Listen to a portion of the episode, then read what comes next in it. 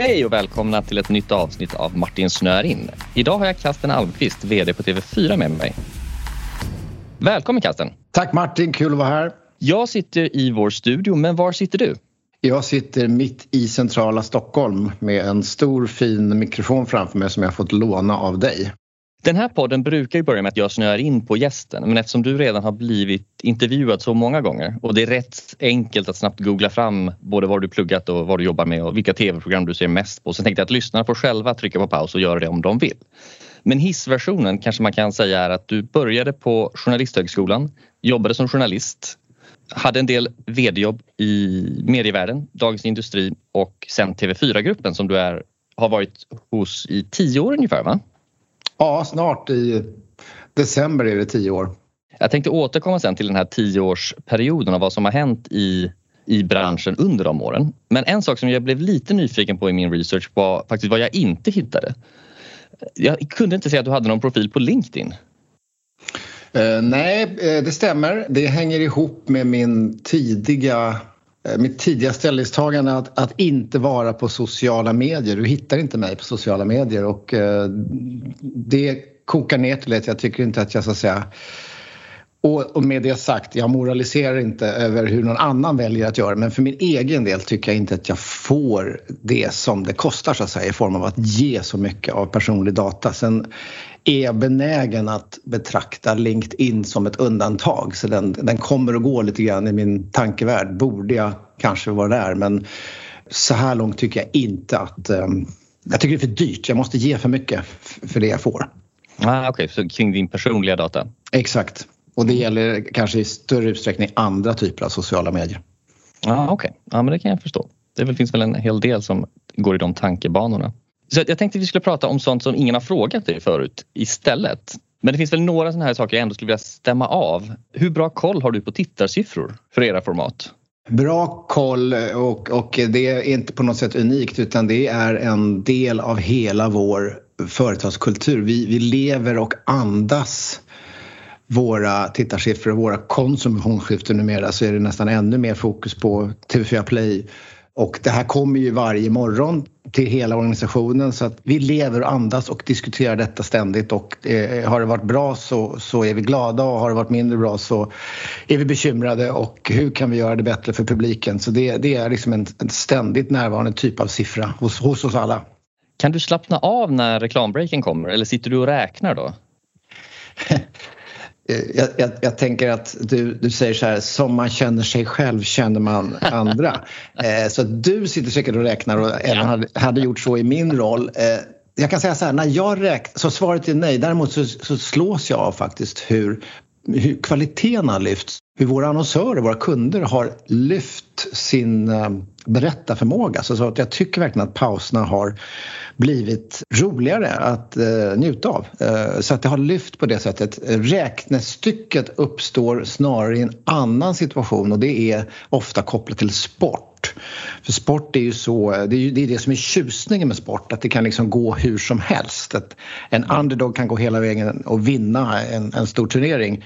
Eh, och vi köper ju som bekant stora och fina sporträttigheter och att då sitta och se eh, en avgörande match och om det blir stolpe in eller stolpe ut till exempel i en fotbollsmatch och veta hur mycket det ena eller det andra är värt kan vara ganska plågsamt och, då njuter ju inte jag så att säga av själva idrottsföreteelsen, det som sker på plan på samma sätt kanske som många andra. För jag, då räknar jag. Går vi vidare här nu, vi som är svenska landslaget, så är det så här mycket pengar. Åker vi ja, ut så är det så här. Jag sitter ju och räknar hur mycket varje annonsör har betalat, liksom hur, långa, hur många sekunder var det? Sådär. Eh, svårt att få det ur mig. Jag förstår det kan... och det är väl en del av, av tjusning med att vara Martin Hugosson. Det är liksom din uh, genetiska kod. Ja, det kanske är det. Minns du vår första diskussion? Ja, alltså vi har träffats en del genom åren och eh, jag tror att det var berätt berättandet i, i Beck, alltså det, var, det handlade om Beck på något sätt. Kan det stämma? Ja, jag tror att du var relativt ny som VD på TV4 då. Vi var i någon källare, inte bara du och jag, det var en samling människor där. Men så pratade vi just om hur bra det var med Beck-filmer på söndagar fast det var repriser. För jag tycker mm. söndagen är en sån dag man inte vill ha allt för mycket nytt och spännande på utan det är ganska skönt att se en gammal klassisk Beck-film. Mm. Och Men, du hade rätt och, och, har ju till stora delar rätt än idag. Bekväma söndagar. Mm. Jag tänkte vi skulle prata lite grann om branschfrågor och en av dem handlar om förändringen av reklamintäkter. Så om man tittar tillbaka när du började på TV4 så tror jag att TV4 låg på ungefär 3,5 miljarder i reklamintäkter. Och då var ju det en del av Bonnier och den andra delen av Bonnier var en bit efter det men inte så långt ifrån. Posten Schibsted låg kanske på en och en halv miljard var. Google fanns men var efter det här gänget. Facebook var väl när det gäller reklamintäkter obetydliga. Tryckta nyhetsmedier stod för över 10 miljarder. Och sen om man snabbspolar fram till idag så står tryckta nyhetsmedier för en bråkdel av det såklart. Google och Facebook har växt med ungefär 15 miljarder i reklamintäkter, vilket såklart är mer än hela ökningen. Och det betyder att det faktiskt är ganska många som tappar. Ni har haft stabila intäkter under de här åren när det gäller reklamintäkterna eh, och mm. står ju fortfarande väldigt starka. Vad har ni gjort under de här åren som har gjort att ni har klarat er så pass bra? Det är en, eh, en serie åtgärder och, och i grunden är det ett, ett, ett förhållningssätt som inte jag ska ta äran av utan det, det ska jag säga fanns i företagskulturen även när jag kom. Alltså, och, och sen har vi växlat upp det och accentuerat det och det har blivit mer intensivt under de här åren och det är att förändring måste vara den enda konstanten. De första åren när vi drog igång vår digitala transformation på TV4 i den här versionen så gjorde vi ganska brutala stora förändringar ganska snabbt och sedan har vi, vågar jag säga, lärt oss att förändring är just den enda konstanten vilket gör att jag kan med stolthet konstatera att jag har en, en organisation och jag har medarbetare som har ett mycket mer agilt och modernt förhållningssätt till just att förändring hela tiden pågår. Så det blir inte samma drama och den förmågan är helt avgörande för att just inte bara hålla positionerna som du beskriver utan också skjuta fram positionerna i den här extremt konkurrensutsatta världen som vi lever i. Eh, så att när vi satte den här strategiska visionen, eller egentligen namnet på vår strategi 2014 efter en del stora förändringar vi gjorde företagskulturellt. Jag ska nämna en, vi gick från en en kultur som, som var ganska nöjd trots att man hade gjort förändringar under de första 20 åren. Men det fanns något, något nöjt och väldigt, och i positiv bemärkelse, omhändertagande mjukt i vår kultur. Eh, därför att man hade liksom vuxit eh, under, nästan automatiskt under 20 år. Mm. Eh, och den här kulturen döptes av någon lite cynisk person till doftljuskulturen. Den var väldigt liksom mjuk och var väldigt mycket en sittplatskultur snarare än någonting annat. Vad vi adderade då var en prestationskultur som handlade väldigt mycket om att sätta mål och följa upp och allt det klassiska så att säga, men göra det väldigt granulärt hela vägen ner till den enskilde medarbetaren. Tillsammans med en del större förändringar där personalomsättningen de där första åren gick från den här nöjda 2% personalomsättning, man slutade inte på TV4, till under en period 25 där vi tog in väldigt mycket nya kollegor på produkt och teknik. Men efter de där väldigt dramatiska åren så har vi sen hittat ett liksom modus operandi som handlar om att det kommer ständigt nya vågor av förändring som vi sätter igång från ledningens sida och som är proaktiva. Och det är den förmågan som är svaret på din fråga. Det finns liksom inget slut på förändringen, den är det normala. Befinner ni er i någon stor våg nu eller är ni mellan vågor? Ja, vi är mitt i en transformation så tillvida att vi har ju under våren här berättat att vi kommer att behöva klara oss på 100 färre tjänster i TV4 Media, alltså hela företaget, inte bara TV4 då, utan även vår finska verksamhet än tidigare. Och så det arbetet har vi jobbat med under våren som handlar om att eh, flytta resurser till förmån för, vilket vi gör hela tiden, då, till program och digital transformation i bemärkelsen produkt och teknikutveckling. Så det arbetet har vi jobbat med under våren. Så just nu så, så, skulle jag säga att det är väl en lite högre våg, eller det är definitivt en högre våg än vad det brukar. Och i det ligger då som alltid det här tråkiga att behöva skiljas från, från kollegor för det det är någonting som jag inte blir bättre på så att säga, som man inte vänjer sig vid utan det, det är lika tråkigt varje gång. Så det har pågått under våren. Men vi gör det för att vi måste vara hela tiden på den här förmågan att flytta resurser där de bäst behövs och hitta nya arbetssätt både i vår programverksamhet och i vår produkt och teknikutveckling. Hur kommer era nästa tio år se ut? Finns det någonting du kan berätta om vad ni vill göra eller vilken strategi ni vill följa? Ja, det enda jag lärt mig att titta så långt in i framtiden, det kommer garanterat bli fel, men vad jag, vad jag vet att vi gör de kommande tre till fem åren. Det är en, det är en väldigt eh, kraftfull plan som, om vi nu pratar då primärt om, eh, om TV4 i bemärkelsen reklam-TV här, så eh, är, är det att eh, kraftfullt transformera den här fantastiska förmågan till räckvidd som vi har haft under de första 30 åren av vår levnad, dryga 30 åren. Eh, att fortsätta hedra den traditionen och, och, och genom att locka stora skaror publik med, mm. genom att fortsätta uppmin, uppfinna Efter fem som är en av våra största succéer de senaste åren eller Masked Singer för den delen som faktiskt är den största premiären i TV4s historia sedan 1990. Vi gick tillbaka till rena rama Rolf och kollade om inte den premiären trots allt var större, men det var den inte. Sen har ju andra program vuxit sig större efter premiärerna men som så att säga debutprogram så har vi inget motsvarande. Den förmågan att fortsätta presentera nya eh, program som folk vill se. Den är ju då fundamentet i allt det här. Och det andra är att med den här räckvidden i botten och det total-tv-begrepp som vi har pratat om i några år nu, både internt mot medarbetare och i vårt sätt att möta publiken men också sättet som vi möter annonsmarknaden. Att det ska liksom inte spela någon roll om, om räckvidden är linjär eller digital. Vi försöker sudda ut de gränserna så länge kunden håller med. Vad vi kommer att göra de kommande åren är att i större utsträckning skapa ett adresserbart lager och dessutom klä det adresserbara lagret med större mängd data eh, så att det blir ett, om man säger så, en smartare räckvidd. Och den har vi eh, väldigt starka tankar kring och eh, en väldigt bra plan för att få att hända. Så att vi har gott självförtroende. Men att se längre än fem år fram i och med att vår plan sträcker sig så långt, det, det blir, det blir nästan ohållbart. Men jag skulle säga att det är nog samma svar på frågan om tio år. Det vill säga utan den tidens efter fem och Masked Singer så är vi borta. Men däremot om vi har klarat den förmågan då, då är vi definitivt minst samma stora starka spelare som idag. Men eh, om man tittar på format som Masked Singer som såklart driver en väldigt hög räckvidd mm, och som eh, driver en stor publik. Hur ser du att andelen av tittandet framåt kommer att ske på den typen av, förr i tiden som man lägerelds-tv, men eh, stora samlingar kontra mer individuellt tittande. Ser du att fördelningen kommer ändras där? Det gör den eh, redan och eh, det kommer att påverka så att säga, berättandet och vilka kreativa vägval vi gör. Nu har vi haft en eh, period av en explosion av manusbaserad drama Eh, vilket vi har varit ledande på genom åren men har växlat upp kraftigt och det hänger ihop med vår, så att säga, vårt eh, systerföretag numera som är en del av, av Telia Sverige, nämligen Simor eh, och behovet i, i eh, strömmade betaltjänster som Simor som eh, Netflix. Eh, där har ju så att säga, efterfrågan varit väldigt stor på eh, serialized eller alltså dramaserier.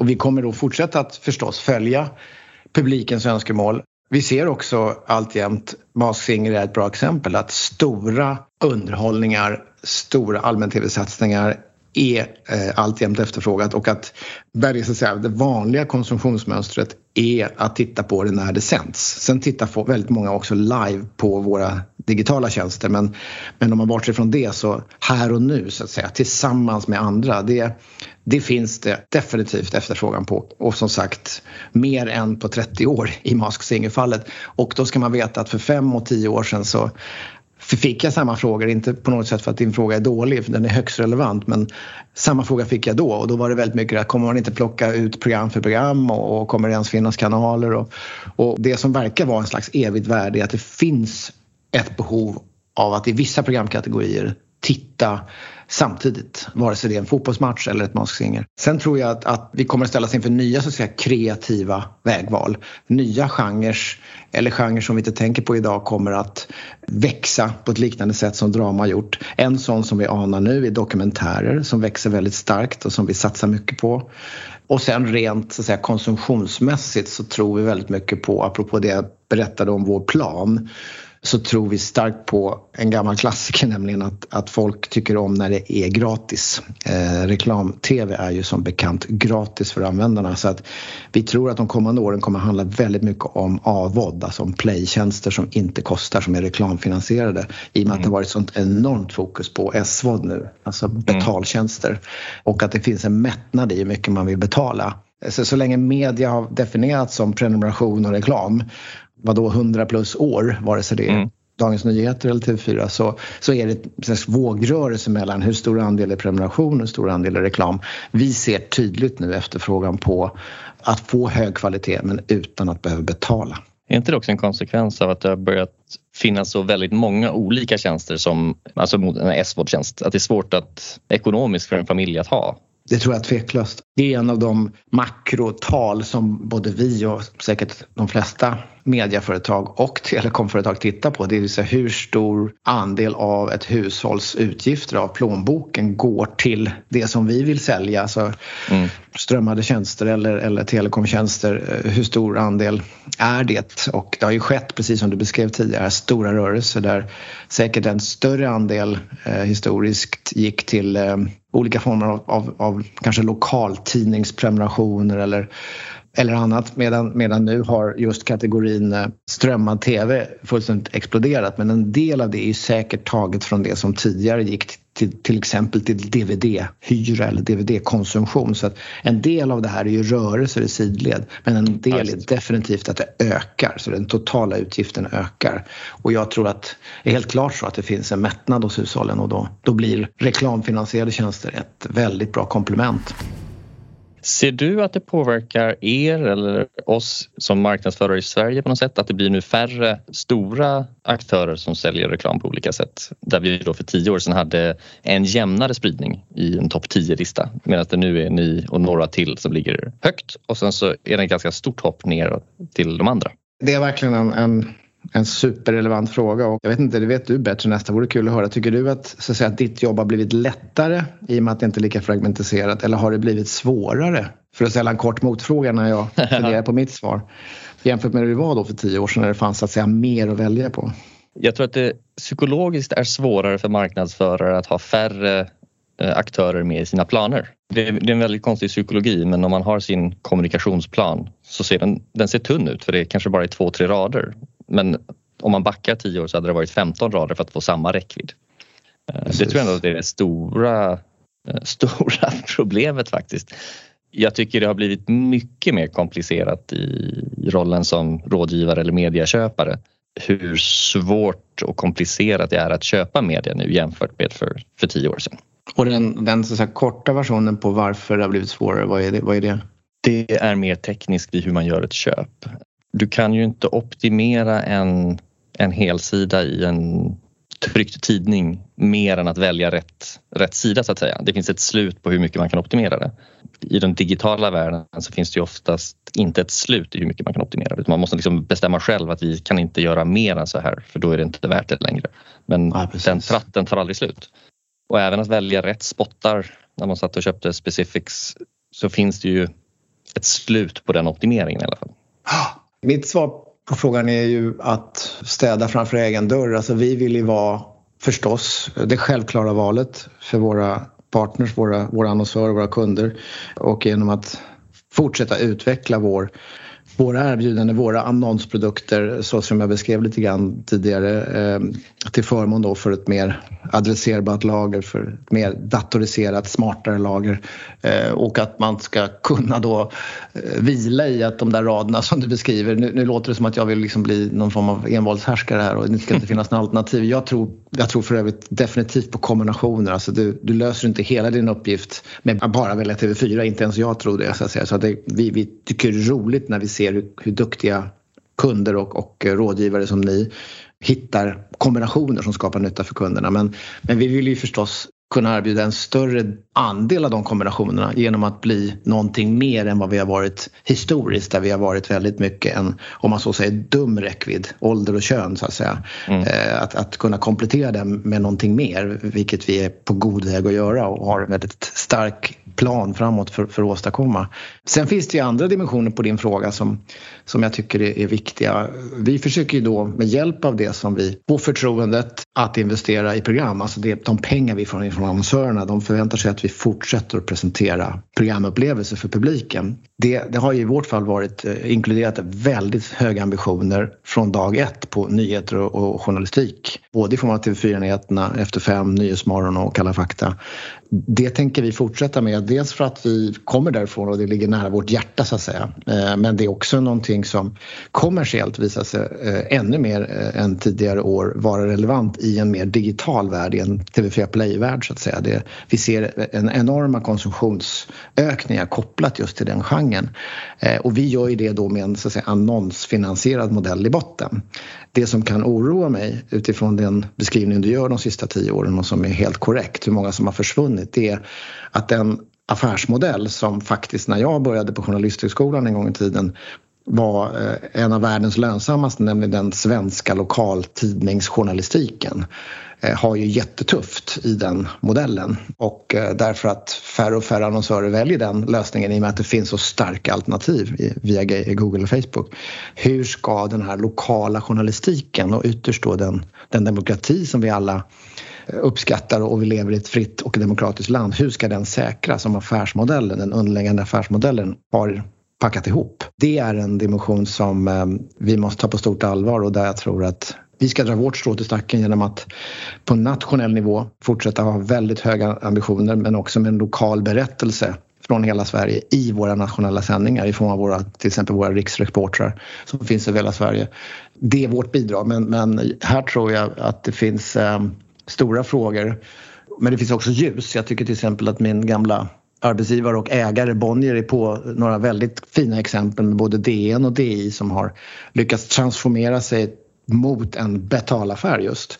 Svaret på din fråga var vad händer med den lokaltidning där, där så att säga, publiken lokalt tycker att det behovet som tillfredsställdes för 15 år sedan av lokaltidningen nu löses av en, ett antal Facebookgrupper eller av någonting annat. Hur ska vi så att säga säkra att det finns en granskning av den politiska makten ute i, i, de, i de små kapillärerna och de små delarna av vårt långa land om inte det finns en affärsmodell som kan ta hand om det och, och då, då är ju frågan för att avsluta svaret kommer även lokaljournalistiken att kunna finansieras med prenumerationer på samma sätt som DN tycks vara på någonting väldigt spännande. Jag vet inte vad du tror. Man hoppas att man inte hamnar i en, en sån swish-journalistiks framtid.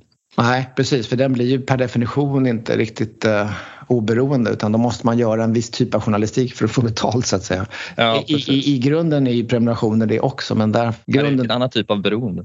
Ja, det blir, det blir mycket kortare och snabbare och det blir nästan som en annan version av klickjournalistik så att säga. Så att jag håller med, det vore, det vore olyckligt. Så just nu så håller ju alla företag i den här sektorn på att ställa om sina modeller och här tror jag faktiskt att det kan vara relevant med en del stöd och sådär från, från eh, det talas ju mycket om mediestödet nu och pressstödet hur det ska utformas. Så att just nu så tror jag många av de här företagen behöver hjälp i övergången. Däremot tror jag inte på att hamna i någon form av så här stålverks eller varvskrisen snarare på, på 70-talet att man fortsätter att göda någonting som inte har någon efterfrågan men Nej. så länge som de här företagen kämpar med att hitta nästa, nästa affärsmodell så, så kan det vara relevant att hjälpa till. Och det andra är förstås public service och public service roll för, för att se till att det finns liksom kvalificerad journalistik överallt, inte bara nationellt. Nej, det håller jag med om. Jag tänkte också att vi skulle kort beröra den typen av affärer där såsom Telia som köpte TV4 och AT&T som köpte Warner. Vilka är egentligen fördelarna för kunderna när istället för att bredda verksamheten så ökar man sin eh, del i näringskedjan? I vårt fall så är det, är det såklart och, och det är så att det, det är helt kunddrivet. Det är utifrån insikten som kommer ur jag vet inte hur många hundra kundundersökningar som då våra nya ägare Telia har gjort eh, som visar att kunderna efterfrågar enkelhet, mer på samma ställe, alltså fler saker på samma ställe. Att slippa eh, välja och vi var inne tidigare på att det finns nu till exempel väldigt många olika strömmade tv-tjänster. Det, det, är bara ett exempel. Att man genom att kombinera saker på ett kundnära sätt och gärna individuellt sätt. Alltså just den kunden, just Martin eller Kasten vill ha just den här kombinationen.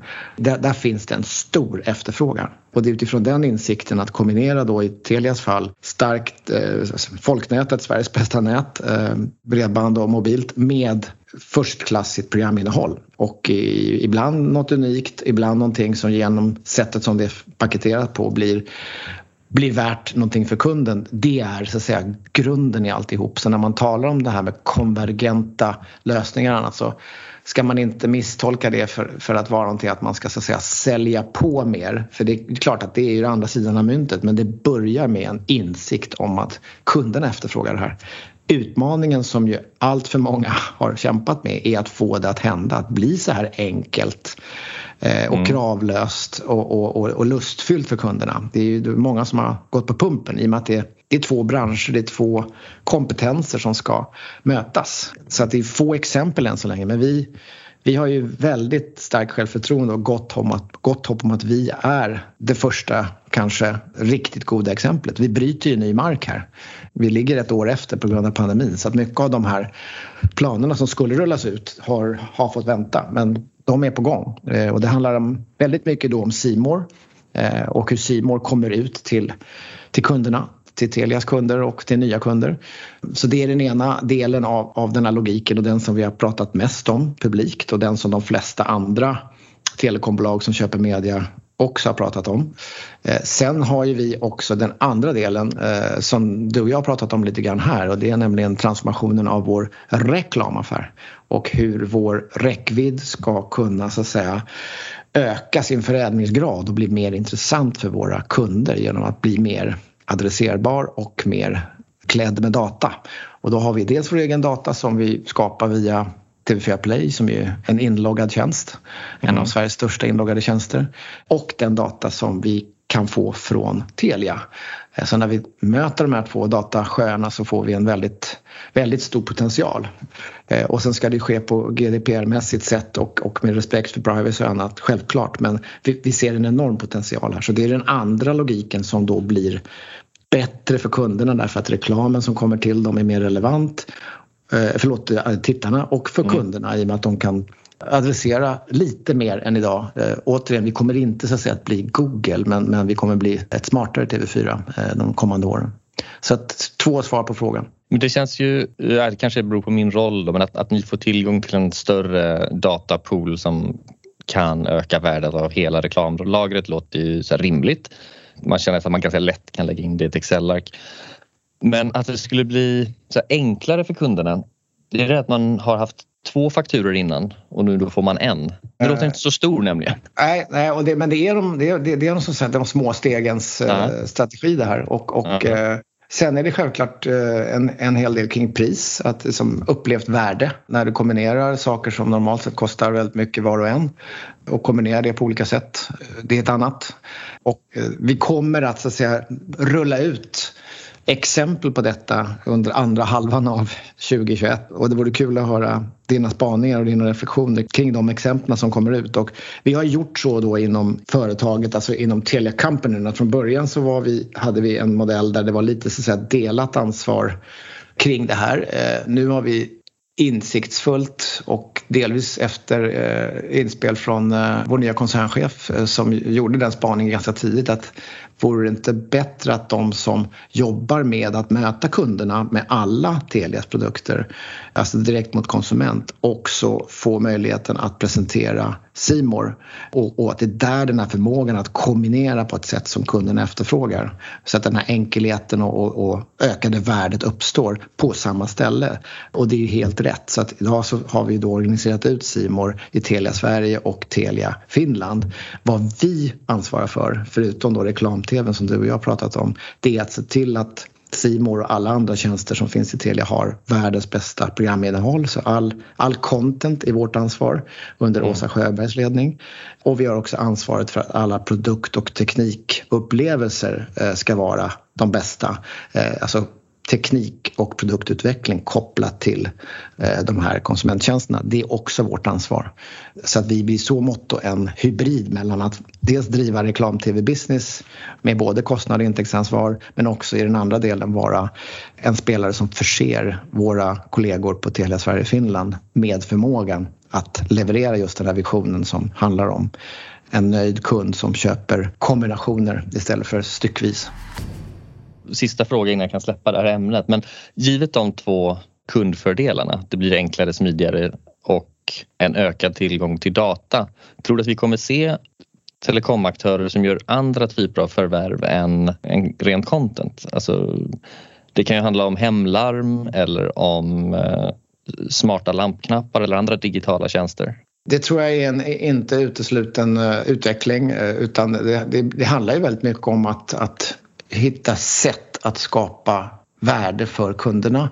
Och alla telekombolag kämpar ju med den frågan både i konsumentledet och sen mm. har ju då, ska man inte glömma de här företagens stora affärskunder också, alltså business to business kunder och där är det lite samma logik att många spelare, Telia är ju en sån eh, som förser eh, kunder med hela kompletta IT-lösningar, alltså det är både uppkoppling och allting annat som behövs för det liksom kompletta kontoret. Eller för att driva ett litet, medelstort eller till och med stort företag så så är Telia en spelare man kan vända sig till och få så att säga, hjälp med, med allting. Och det finns ju flera exempel på det runt om i Europa. Medan andra går extremt åt andra hållet och blir nästan, ska det gå hela vägen så blir det en ren infrastrukturspelare. Då är du inte ens mm. operatör så att säga, utan då är du då är det själva, bokstavligt talat själva fibern eller, eller mobilmasten. Eh, och sådana affärer görs ju också eh, där man så att säga skiljer ut de här två. TDC har gjort så till exempel delar upp sig mellan drift och nät. Så att det, är, det är alla möjliga rörelser igång i, i den här branschen. Super. Du, tusen tack för att du ville vara med i vår podd. Tack själv Martin, det var kul att få vara med.